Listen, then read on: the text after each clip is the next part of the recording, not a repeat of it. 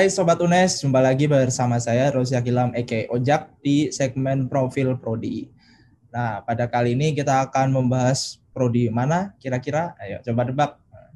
Sudah terhubung bersama saya di sini ada bintang tamu yang sangat spesial dari salah satu prodi yang ada di Universitas Negeri Semarang. Ada Bapak Ganis Putra Widanarto selaku Kepala Laboratorium Kurikulum dan Teknologi Pendidikan dari Prodi Teknologi Pendidikan. Halo Bapak Ganis. Halo Sobat UNES, halo Mas Rojak, selamat siang. Iya, selamat siang Bapak. Gimana Pak kabarnya Pak, sehat? Alhamdulillah sehat. Alhamdulillah sehat nih Pak. Aktivitasnya lagi ngapain nih Pak kira-kira hari ini Pak? Atau akhir-akhir ini, ini Pak? Ya akhir-akhir ini uh, aktivitas saya sedang mengembangkan sebuah proyek ini yang yang wow semoga bisa goal ini inovasi hmm. untuk ya untuk UNES ya nantinya. Hmm. Kami sedang mengembangkan sebuah e-learning untuk pelatihan di tingkat nasional begitu Mas. Wow, hebat sekali nih Bapak Ganis nih ya Pak. Nah, Bapak Ganis ini kan salah satu bisa dibilang dosen ya Pak, dosen yang ada di teknologi pendidikan. Iya, betul. Bisa dijelaskan secara singkat nggak Pak? Teknologi pendidikan itu sebenarnya apa sih Pak gitu? Iya, uh, teknologi pendidikan itu makanan apa gitu ya. Jadi, memang uh, kami prodi kami ini memang uh, secara apa ya nama memang bernama teknologi pendidikan. Tapi prodi kami itu asalnya dulu dari prodi yang bernama didaktik kurikulum. Jadi dulu berdiri tahun 1960 ketika wow, Iya, ketika itu kami adalah prodi pertama di IKIP Semarang yang jadi cikal bakalnya UNES. Wow. Jadi ya, ini memang uh, mungkin kalau kita bilang ini ini ya kakek buyutnya prodi-prodi iya. UNES gitu ya. betul betul betul. Ya, dari didaktik kurikulum itu uh, kami menjadi program studi pengembangan kurikulum dan akhirnya uh, sekarang jadi prodi yang bernama program studi teknologi pendidikan. Tapi nama jurusan kami tetap jurusannya adalah kurikulum dan teknologi pendidikan. Nah, begitu. Jadi uh, kami sudah berganti nama tiga kali. Kalau kalau orang Jawa itu dulu kan uh, kalau sakit-sakitan harus ganti nama ya. Waduh. ya. Bener bener bener. Ya. Kalau bandel juga harus ganti nama ya Pak. Kalau di ya, orang betul. Jawa itu Pak. betul. Ya. Nah, ini prodi teknologi pendidikan itu masuknya fakultas FIP ya Pak, kalau nggak salah. Iya betul sekali.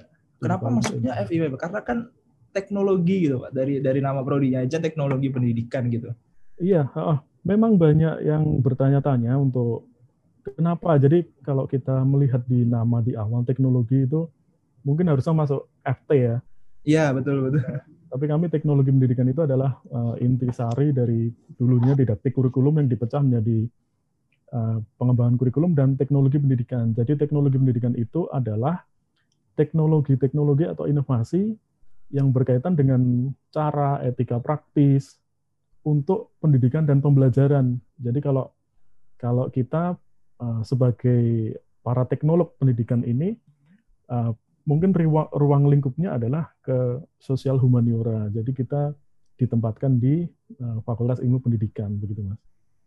Berarti untuk kurikulumnya seperti apa nih Pak? Kurikulum dari teknologi pendidikan ini Pak? Nah, kurikulum kita ini beragam. Hmm. Di teknologi pendidikan ini punya konsentrasi. Jadi ada ada sekitar dua konsentrasi yang di yang sedang dijalankan di teknologi pendidikan ini. Yang pertama adalah konsentrasi pengembang teknologi pembelajaran dan kedua adalah konsentrasi pengembang kurikulum. Jadi kami punya mata kuliah pilihan yang berkaitan dengan pengembang teknologi pembelajaran, di antaranya ada sistem pembelajaran berbasis web, ada e-learning, ada animasi komputer pembelajaran, dan lain sebagainya. Yang kedua adalah uh, pengembang kurikulum, uh, dan di, antaranya adalah mata kuliah-mata kuliah terkait dengan inovasi kurikulum, pengembangan kurikulum, dan kemampuan-kemampuan untuk uh, mengelola atau merancang sebuah kurikulum. Nah, ini spesialisasi di kami, Mas. Berarti nanti uh, untuk lulusan dari teknologi pendidikan ini itu apakah berarti gelarnya pendidikan atau bagaimana nih Pak maksudnya? Ya betul. Jadi memang hmm. gelarnya adalah uh, sarjana pendidikan. Sarjana pendidikan. Oh, ya. tapi berfokus pada pengembangan kurikulumnya. Pengembangan kurikulum dan pengembang teknologi pembelajaran. Oh, jin, jin, siap, siap, siap. Nah, kalau berbicara fasilitas nih, Pak, kalau fasilitas yang tersedia di teknologi pendidikan ini apa saja, Pak? Nah, kita bicara tentang laboratorium dulu ya. Nah, jadi ya, kita siap. punya laboratorium namanya laboratorium fotografi dan sinematografi. Wow. Itu uh, mendukung mata kuliah-mata kuliah sinematografi, fotografi, dan ada laboratorium namanya laboratorium animasi. Itu mendukung mata-mata kuliah yang uh, berlabel animasi dan mungkin multimedia. Ada juga laboratorium multimedia dan ada laboratorium desain grafis. Wow. Itu juga untuk mendukung uh, mata kuliah-mata kuliah yang berkaitan dengan desain grafis. Tapi kami juga punya uh, ruang produksi ya seperti podcast ya kalau mungkin sobat UNES uh, sobat UNES mau ini ya bekerja sama yeah. dengan kami kami punya ruang produksi di situ ada uh, radio virtual dan ruang produksi broadcasting. Jadi uh, itu sebagian fasilitas laboratorium yang lain juga ada perpustakaan kami punya koleksi lebih dari 3000 buku waduh untuk, ya untuk satu program studi banyak banget nah, Ya, itu sebagian kecil, Mas. Kita kita nanti sebagian kecil. Uh, akan bertambah koleksi bukunya setiap uh, setiap tahun ya. Setiap oh. tahun mungkin akan bertambah lebih dari 200 buku per tahun, begitu.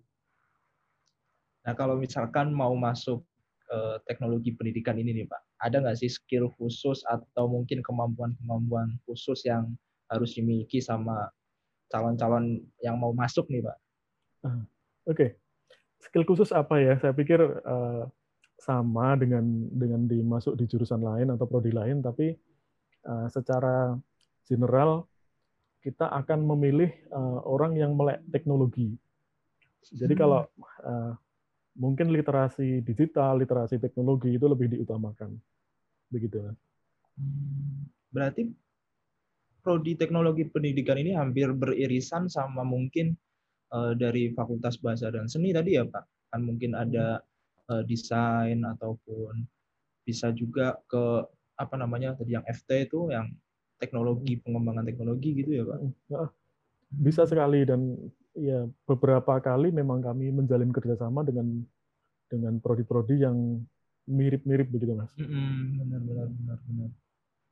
Nah kalau berbicara tentang SDM nih Pak, sumber daya manusianya yang ada di teknologi pendidikan, dari hmm. segi mahasiswanya dulu deh Pak, dari segi mahasiswanya dulu, prestasi mahasiswanya gimana nih Pak? Atau mungkin bisa diceritakan uh, mahasiswa teknologi pendidikan itu seperti apa gitu Pak? Ya, mahasiswa teknologi pendidikan ini kalau saya bilang unik, unik dan spesial. Karena ada ada cerita beberapa cerita mahasiswa yang tidak mau lulus mas karena ya, karena memang uh, membawa nama prodi untuk uh, kejuaraan-kejuaraan nasional, kejuaraan internasional begitu. Jadi hmm. beberapa mahasiswa kami uh, memang difasilitasi untuk berkembang melalui prodi kami untuk mengembangkan akademisnya, sisi akademisnya maupun non akademisnya. Jadi kalau hmm. untuk lapangan pekerjaan maupun untuk kejuaraan-kejuaraan ya untuk mahasiswa kami sudah sudah mencapai kejuaraan pada tingkat uh, nasional maupun internasional. Wow. Walaupun ya walaupun berada di posisi kedua tidak posisi pertama, tapi itu kan merupakan kebanggaan kami ya. Iya betul sekali itu. Pak. Dan untuk apa tadi ya? Saya bilang uh, untuk bidang-bidang pekerjaan kami memang sudah bekerja sama juga dengan instansi-instansi uh, di lembaga pemerintahan maupun non pemerintahan. Jadi selama ini banyak mahasiswa kami yang sudah keterima, baik itu PNS maupun non-PNS di lembaga-lembaga pemerintahan, pengelola pelatihan, pengelola kurikulum, bahkan untuk eh, lembaga-lembaga yang eh, mengelola teknologi pembelajaran, begitu. Kalau dari segi dosen atau tenaga pengajarnya bagaimana nih Pak?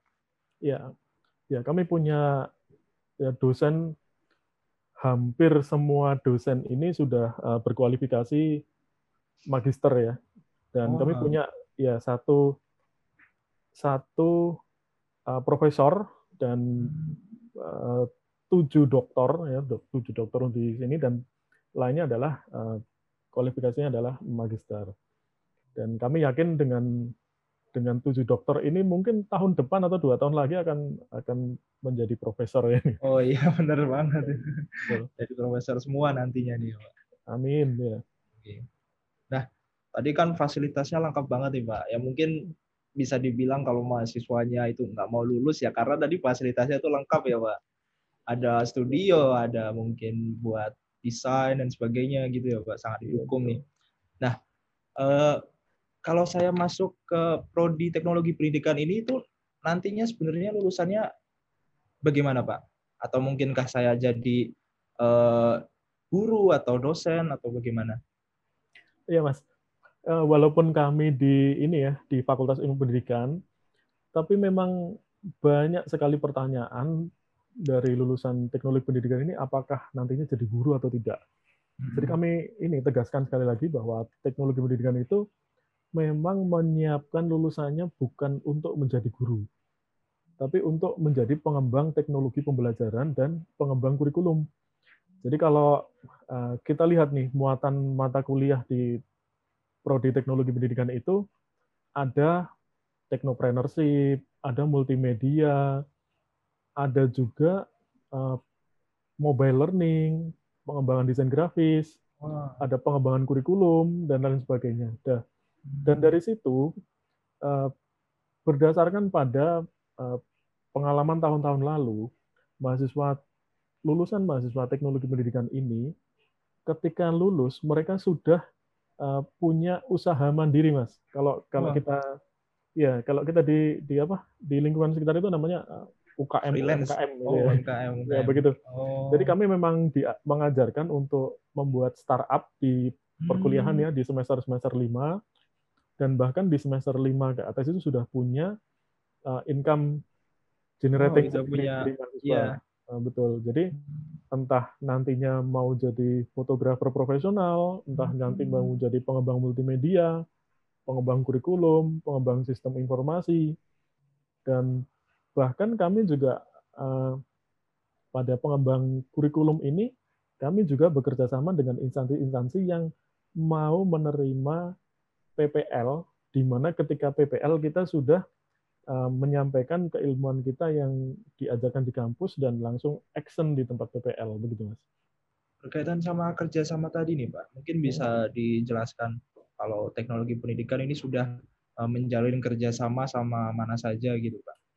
Iya, yang yang sudah berjalan selama beberapa tahun ya, hampir 11 tahun nih, hmm. kerjasama kami adalah dulu ketika belum ada pembatasan seperti masa sekarang, PPL iya. kami dengan Puskurbuk di Jakarta, dengan Akpol, dengan Akmil, ya, dengan BPSDMD Jawa Tengah, dengan Dinas Pendidikan Provinsi, dengan BPM TPK, jadi di Jawa Timur, di Surabaya, dan beberapa instansi lain seperti instansi-instansi startup ya untuk non pemerintah ya untuk startup yeah. dan untuk perusahaan-perusahaan digital begitu mas kami juga menjalin kerjasama hmm. seperti itu untuk proses atau tujuan dari PPL di tempat kami namanya PPL belum PKL karena oh belum kami belum masih PKL, ya, ya ya masih mengikuti kurikulum hmm. lama jadi mungkin ya doakan saja nanti di kurikulum baru kami akan menjadi PKL supaya lebih apa spesifik lagi praktiknya begitu ya betul betul Nah, mungkin dari Pak Ganis ada yang mau ditambahkan lagi nggak Pak mengenai prodi teknologi pendidikan ini, Pak? Ya, uh, ada Mas. Kami punya pusat kajian, Mas. Jadi pusat oh. ya pusat kajian itu kami punya dua pusat kajian. Pertama adalah pusat kajian kurikulum dan perubahan sosial. Yang kedua pusat kajian inovasi pendidikan dan teknologi pembelajaran. Nah, pusat kajian ini ya adalah sebuah wadah untuk membahas uh, riset-riset maupun uh, membahas kegiatan-kegiatan yang berkaitan dengan kurikulum maupun perubahan sosial dan yang satunya membahas tentang inovasi pendidikan dan teknologi pembelajaran.